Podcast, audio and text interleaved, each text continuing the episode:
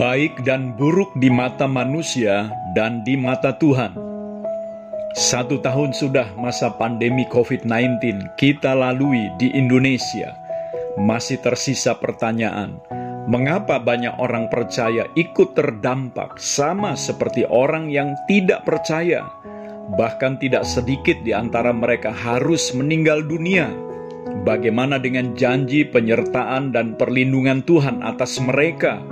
Mengapa nasib orang percaya sepertinya sama saja dengan orang yang tidak percaya? Sebelum kita menjawabnya sesuai dengan firman Tuhan, mari kita renungkan dua kenyataan di bawah ini. Yang pertama, apa yang kelihatan buruk di pemandangan manusia belum tentu benar-benar buruk di pemandangan Allah. Kehidupan Ayub, orang saleh itu, sebagai contoh Ayub mengalami peristiwa yang sangat-sangat buruk dalam kehidupan seorang anak manusia. Dalam satu hari, dia kehilangan seluruh harta bendanya yang sangat banyak, dan juga ke sepuluh anaknya yang tewas bersamaan tertimpa rumah yang roboh ketika mereka sedang makan dan minum anggur. Dalam hal ini saja, adakah seseorang yang mengalami hal yang lebih buruk dari Ayub? Belum cukup dengan semua itu, atas izin Tuhan, iblis menimpa Ayub dengan barah yang busuk dari telapak kaki sampai ke batu kepalanya. Untuk menggaruk barah yang menimbulkan gatal-gatal yang luar biasa itu, Ayub harus memakai sekeping beling untuk melakukannya.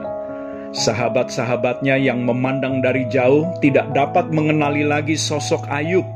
Mereka menangis dengan suara nyaring mengoyak jubahnya, dan menaburkan debu di atas kepala mereka sebagai tanda berkabung.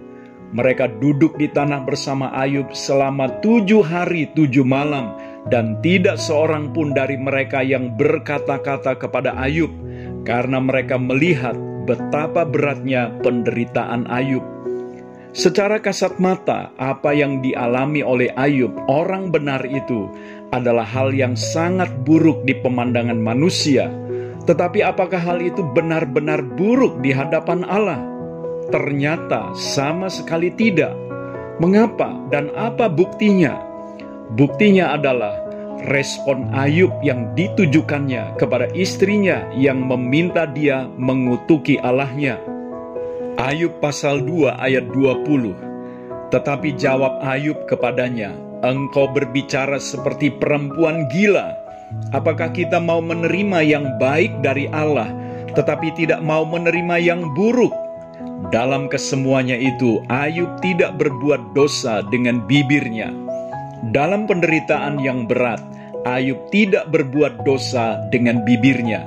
Inilah yang justru Allah mau buktikan kepada iblis bahwa ada orang yang tetap mencintai Tuhan dan tetap hidup dalam kesalehan sekalipun hidupnya menderita.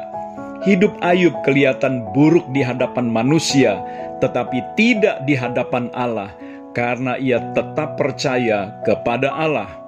Yang kedua, apa yang kelihatan baik dan mengagumkan di hadapan manusia belum tentu benar-benar baik di hadapan Allah.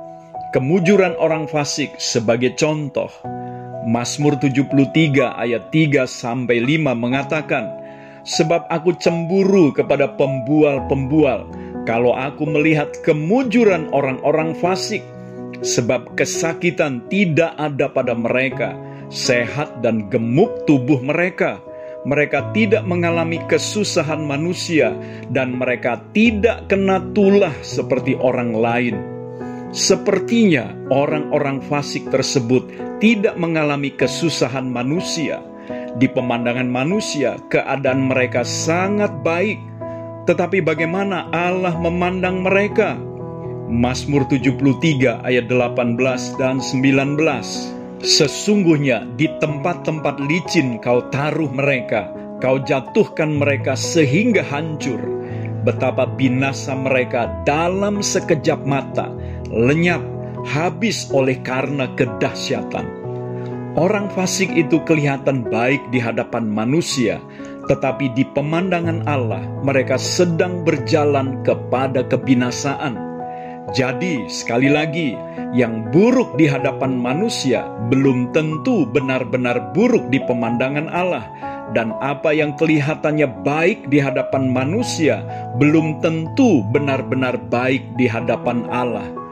Karena itu, belajar memahami perbedaan nasib antara orang benar dan orang fasik tidak bisa dilihat dan dinilai secara lahiriah Inilah yang harus kita pegang sebelum kita mencoba memahami nasib orang benar di masa yang sukar ini.